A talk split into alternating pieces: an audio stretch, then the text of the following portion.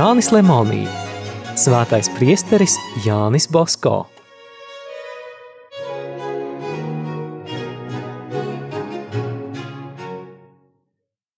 30. novembrī arhibīskaps aicināja priesteri Bosko nolikt eksāmenus, lai iegūtu grēksūdzes uzklausīšanas tiesības. Jānis Bosko aizbrauca uz Turīnu un ieguva šīs tiesības. Vēl tikai vajadzēja sagatavoties eksāmeniem, kas paredzēti mācību gada sākumā. Tā laikā grēksūdzes klausīšanās tiesības deva tikai divus gadus pēc priestera iesvētīšanas. Priesteris Bosko bija izņēmums – Tagad viņš nu varēja savu bērnu vidū sekmīgāk darboties, jo pats varēja būt viņa bikts tēvs. Mācību gada beigās viņš ierakstīja savā piezīmju grāmatiņā divus jaunus apņēmumus – breviārs un grēksūdze. Centīšos dievbīgi lasīt breviāru, un, ja tik vien būs iespējams, baznīcā, lai tai pašā laikā apmeklētu arī vissvēto sakramentu. Grēku sūdzēšu reizi nedēļā un centīšos pildīt visu, ko garīgais tēvs man liks. Kad man pašam būs jāiet klausīties grēksūdzi, pārtraukšu arī, ja vajadzēs breviāru, jo grēksūdzes uzklausīšanai es piešķiru sevišķu nozīmi. Ja būs maz laika, tad pēc mises mazāk lūkšos. Tā Jānis Bosko darīja visu mūžu. Bērnu skaits ar vien pieauga – Bosko rūpējās, lai dažādotu svētdienas oratoriju programmu. Viņam bija skaista balss. Uz Ziemassvētkiem viņš nolēma iemācīt bērniem kādu skaistu dziesmiņu. Viņš uzrakstīja dziesmai vārdus, bet vēlāk sacerēja arī melodiju. Kompozīcija, protams, nebija pēc visiem tehniskajiem noteikumiem, bet tajā bija ielikta tāda sajūsma un maigums, ka to dzirdot tikko varēja valdīt asaras. Bosko sāka mācīt bērnus dziedāt. Bez šaubām tas bija ļoti grūti, jo bērni ne tikai nepazina notis, bet daudzi pat lasīt neprata. Nebija arī kur tos mācīt. Visu baru vajadzēja vest kaut kur aiz pilsētas. Cilvēki brīnījās redzot šo bērnu baru, kas apstājuši jauno priesteri kaut ko pusbalsī dziedāja. Pirmo reizi dziesmiņu dziedāja svētās jaunavas noskumušo iepriecinātājas baznīcā. Pats Jānis Basko spēlēja pavadījumu uz ērģelēm. Tajā laikā Itālijas baznīcās dziedāja tikai ērģelnieks kopā ar dažiem vīriem, kam ne jau vienmēr bija labas balsis. Tagad, dzirdot maigās bērnu balsis, turīnieši bija kā apburti. Priestera Bosko oratorija kļuva pazīstama visā pilsētā. Pirmajam mēģinājumam izdodoties, priesteris Bosko sacerēja vēl jaunas dziesmas – Šo prasmi Jānim Bosko palīdzēja apgūt seminārists Aloīs Nasī, dišciltīgas Turīnas ģimenes dēls, kas vēlāk kļuva par kanoniķi. Arī viņš bija gan dzēnieks, gan komponists. Pēc dažiem gadiem abi bija izveidojuši labu kori –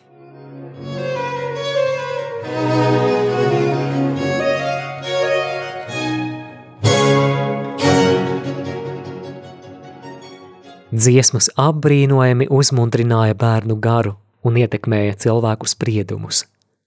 Kādreiz Jānis Bosko savus bērnus aizveda uz senu baznīcu Madonna del Pilona, kas atradās netālu no Turīnas. Lai nebūtu tik tālu jāiet kājām, viņš piegājis pie Pado upes noīrēja trīs laivas, sasēdināja tajās bērnus un atstumdamies no krasta sāka dziedāt – Mazgātājas un strādnieki skatījās, kas tur dzied. Tas tā patika, ka visi dziedādami viņiem sekoja pa krastmalu līdzi iedami. Pāri tiltam soļoja kāds orķestris. Orķestra vadītājam tā patika šī savādā aina, kā arī viņš kopā ar saviem vīriem pievienojās gājienam. Zēni tikko vairs valdījās no prieka. Kad gājiens tuvojās Madonna del Pilona baznīcai, Vairāk nekā tūkstoši cilvēku saskrēja nācējus sagaidīt. Oratorijas vārds tagad jau visiem bija labi zināms. No tā laika līdzīgas oratorijas sāka izplatīties Turīnā, citur Itālijā, vēlāk visā pasaulē. 1843. gadā priestera Bosko svētdienas oratorija jau bija krietni izaugusi. Tai bija sava pavisam īpaša programma – Tikai trūka piemērotu telpu daudzajām jauniešu vajadzībām. Priesteris Bosko tam redzēja tikai vienu atrisinājumu – vest bērnus svētdienās kaut kur aiz pilsētas, pamācīt tiem kādu stundu katehismu un pēc tam ļaut bērniem rotaļāties līdz pat vakaram. Tomēr doties ārpus pilsētas nevienmēr bija izdevīgi laika apstākļu un citu iemeslu dēļ. Kanoniķis Gvala Bosko atļāva izmantot kādu nelielu akadēmijas pagalmu. Katehisma lekcijas notika Svētā Asīzes Franciska baznīcas sakristējā. Palīgā nāca vēl daži citi jauni priesteri. Kas ir mācījis palaidnīgus pilsētas bērnus, tie zina, cik šis darbs ir grūts. Tomēr priesterim Bosko tas sagādāja daudz prieka. Pēc kāda laika viņš raksta, es biju savu zēnu siržu valdnieks. Es viņiem darbu meklēju, bet viņi pulcējās svētdienās, lai manī klausītos, citās nedēļas dienās strādādami savu saimnieku mājās.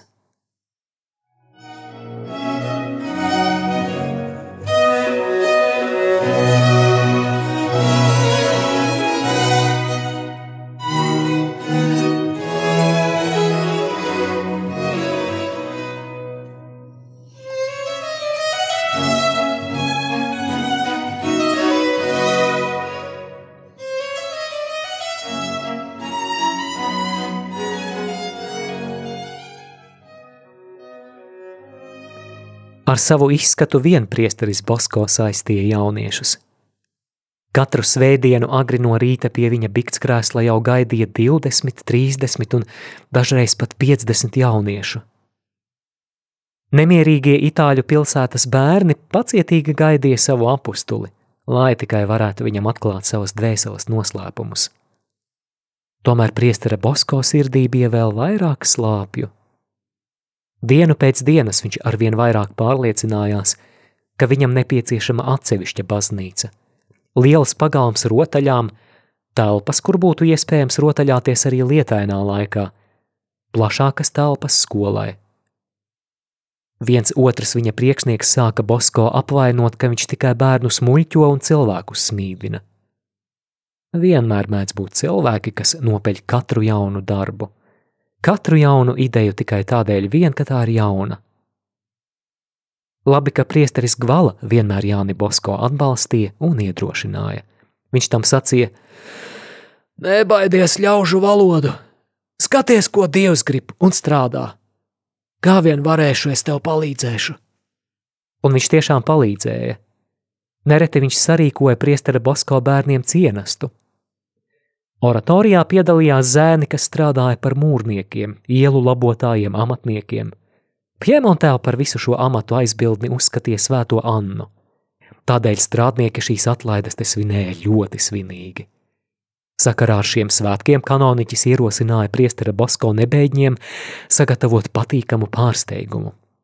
Kādu svētdienu jūlija beigās viņš priesterim Bosko neko neteicis, uzaicināja bērnus uz svētā Franciska baznīcu – Sapulcējās vairāk nekā simts bērnu. Pēc svētās mises, kad viņi gatavojās iet mājās, ieradās kanoniķis Kvala un aicināja visus uz lielo akadēmijas aulu. Bērni acis vien iepleta. Aizgājuši viņi ieraudzīja ar cepumiem, saldumiem un dažādiem gardumiem apkrautus galdus. Jaunie priesteri visus cienāja ar kafiju. Vairākas nedēļas bērni runāja par šo mīlestību. Vecais kanoniķis mīlēja savu jauno brāli priesterībā un līdzstrādnieku Bosko.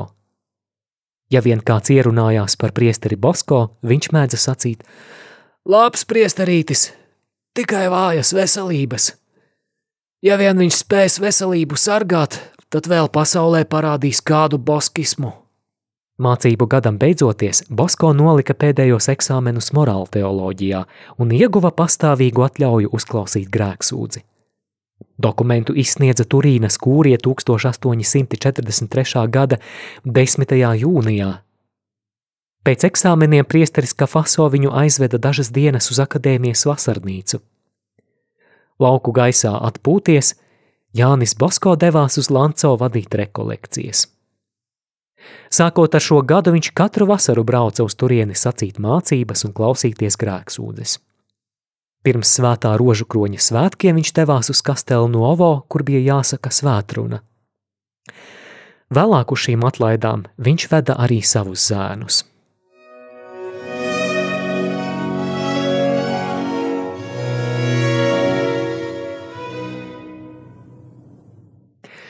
Būdams Kastelnovo, Bosko uzzināja, ka viņam kanoniķis Gvala ļauj vēl vienu gadu mācīties akadēmijā. Šo privilēģiju piešķīra tikai centīgākajiem un visapdāvinātākajiem priesteriem. Šajā gadā tur mācīties sāk arī Giacomelli, agrākais Bosko draugs. Viņš stāsta, ka priesteris Bosko neizlaida nevienu lekciju un uzmanīgi sekoja katram profesora vārdam. Tajā gadā viņš bija vēl aizņemtāks. Svētdienās viņš veltīja laiku bērniem un gāja uz kādu no Turīnas baznīcām sacīt mācību. Arī darbdienās viņam bieži vien bija jāsaka sprediķi, kā arī jāvada trīs dienu un deviņu dienu ilgas rekolekcijas. Rītos viņš pieņēma grēksūdas svētā Franciska baznīcā. Biktskrēslā viņš katru dienu atradās vairākas stundas. Kas redzēja, cik labprāt priesteris Bosko gāja uz biktskrēslu, tam varēja likties, ka grēksūdzes bija priestera Bosko vismīļākais darbs. Tomēr viņš tā darīja gandares dēļ. No pašas mazotnes viņš bija ar ļoti jūtīgu sirdsapziņu, un kļuvis par priesteri, ciest nespēja nekāda grēka. Dažreiz viņš jau no tālienes jūta, ar kādiem grēkiem viņa penitenti ir sevi aptraipījuši. Un tādās reizēs Bosko bija jāiedzer kāds sirdi nomierinošs līdzeklis, lai no sirds nedusmotos. Kad viņš dzirdēja grēkus, kas cilvēkam atņem eņģeļa nevainību, viņa sirdī kā ar nazi iedūra sāpes.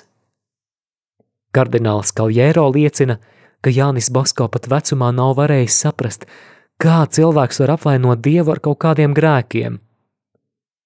Grēksūdzes priesteris Basko pieņēma ne tikai Svētā Franciska baznīcā, bet dažreiz akadēmijas rektors viņu sūtīja pieņemt grēksūdzes un sprediķot arī cietumos, pijāru skolās un valsts svētā Vincenta no Paula institūtā, labā gana patversmē Tur priesteris Bosko strādāja, kamēr vien varēja atlicināt kaut nedaudz laika līdz pat 1860. gadam.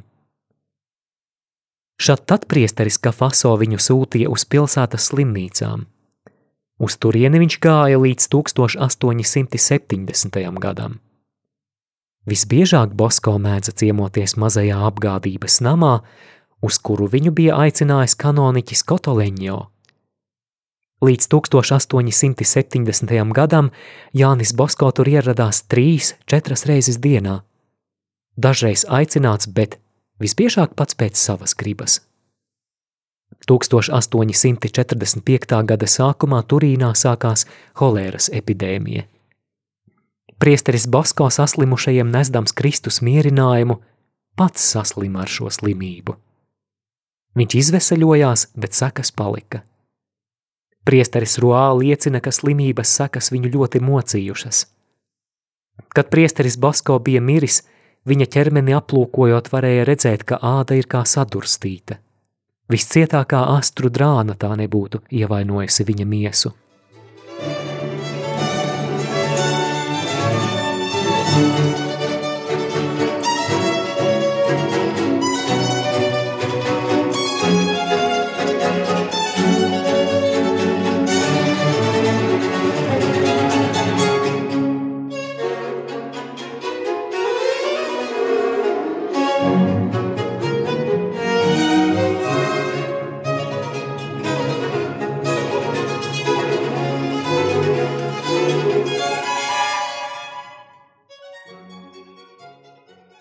Cik palielinājās jaunā priestera ciešanas, tikpat daudz Dievs svētīja viņa gaitas. 1844. gadā Svētā Jāņa slimnīcā bija ievietota trūcīga sieviete pēdējā tuberkulozes stadijā. Vēl lielākā postā bija viņas dvēsele. Kad vien kāds viņai atgādināja par grēksūdzi, viņa sāka lamāt visus kapelānus un pašu slimnīcas priekšnieku. Pat priesterim Kafaso neveicās. Viņš nolēma aizsūtīt priesteri Bosko. Aizgājis pie nelaimīgās, viņš sāka runāt par veselību, bet vēlāk, jau labu laiku runājies, mierīgi teica: Dieva vārdā tev saku, ka viņš savas lielās žēlastības dēļ dod tev dažas stundas, lai tu varētu parūpēties par savu dvēseli. Tagad ir ceturtā stunda pēc pusdienām. Vēl tev ir laiks izsūdzēt grēkus un pieņemt svēto komuniju, slimnieku sakramentu un pāvesta svētību. Nemāni sevi! rīt jau tu būsi mūžībā. Dzirdēdama šos vārdus, slimniece iztrūkās un dvēselē sajuta lielas šausmas. Kaut cik nomierinājusies, viņa izsūdzēja grēkus, un tajā pašā naktī kristīgi nomira. 1844. gada 31. augustā Turīnā Portugāles konsula sieva no rīta bija nodomājusi braukt uz Kjerī un gribēja izsūdzēt grēkus – bet neatradusi savu garīgo tēvu, piegāja pie priestera Bosko pikts krēsla. Viņš lasīja breviāru. Noklausījies kundzes grēksūdzi, viņš uzdeva viņai gandarījumu. Dienas laikā paveikt kādu žēlsirdības darbu, liekas dot nelielu žēlastības dāvanu. Tēvs, es negribu dot žēlastības dāvanu, taisnojās kundze. Kāpēc tā jūs negribat kaut gan nesat tik bagāta? Kundze nobrīnījās, ka šis priesteris zina viņas dzīves apstākļus, kaut arī viņa tam ir nepazīstama. Nē, tēvs, negribu dot dāvanu tādēļ, ka šodien aizbraucu no Turīnas. Nu labi, tad tai vietā trīs reizes lūksies mans sargeņģeli, lai viņš tevi pasargātu no visām nelaimēm un lai tu šodien pārāk nenopītos. Un viņš nenobeidza. Kundze brīnījās vēl vairāk – Izpildījusi gandarījumu, viņa pārnāca mājās un vēlreiz kopā ar visu ģimeni palūgusies, ņemot līdzi meitu un kalponi, aizbrauca uz Kierī.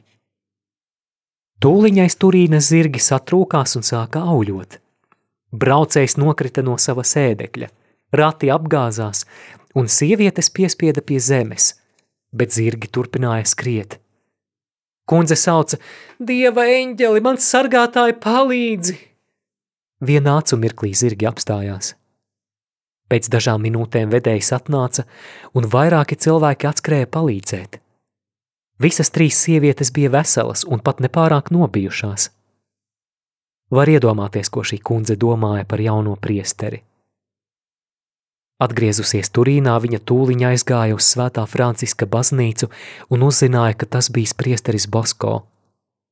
No šī laika viņa kļuva Jāņa Bosko darba atbalstītāja un vēlāk Salesiāņu līdzstrādniece. Kādā svētdienā priesteris Bosko saviem zēniem izdalīja sargeņģeļa svētbildes ar lūkšanu sargeņģelim. Izdalījis pamudināja. Bieži lūdziet savu sargeņģeli, sevišķi dvēseles un miesas briesmās.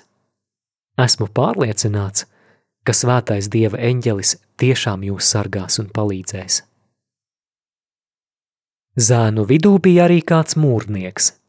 Pēc dažām dienām ceļot lielu ēku, šis zēns ar dažiem citiem strādniekiem stāvēja uz sastatnēm ceturtā stāva augstumā. Neuzmanības dēļ viens dēļa gals pacēlās augšup, un visi strādnieki nokrita uz akmeņainās ielas. Šis zēns krītot atcerējās sargeņģeli. Cilvēki saskrēja, domāja, ka visi nositušies, bet zēns tūliņ piecēlās sveiks un vesels. Viņu tiešām sargeņģelis bija sargājis, jo viens strādnieks bija nosities, bet otrais salauzis locekļus pēc dažām stundām slimnīcā nomira. Kad pienāca svētdiena, laimīgais zēns pats draugiem pastāstīja brīnišķīgo notikumu.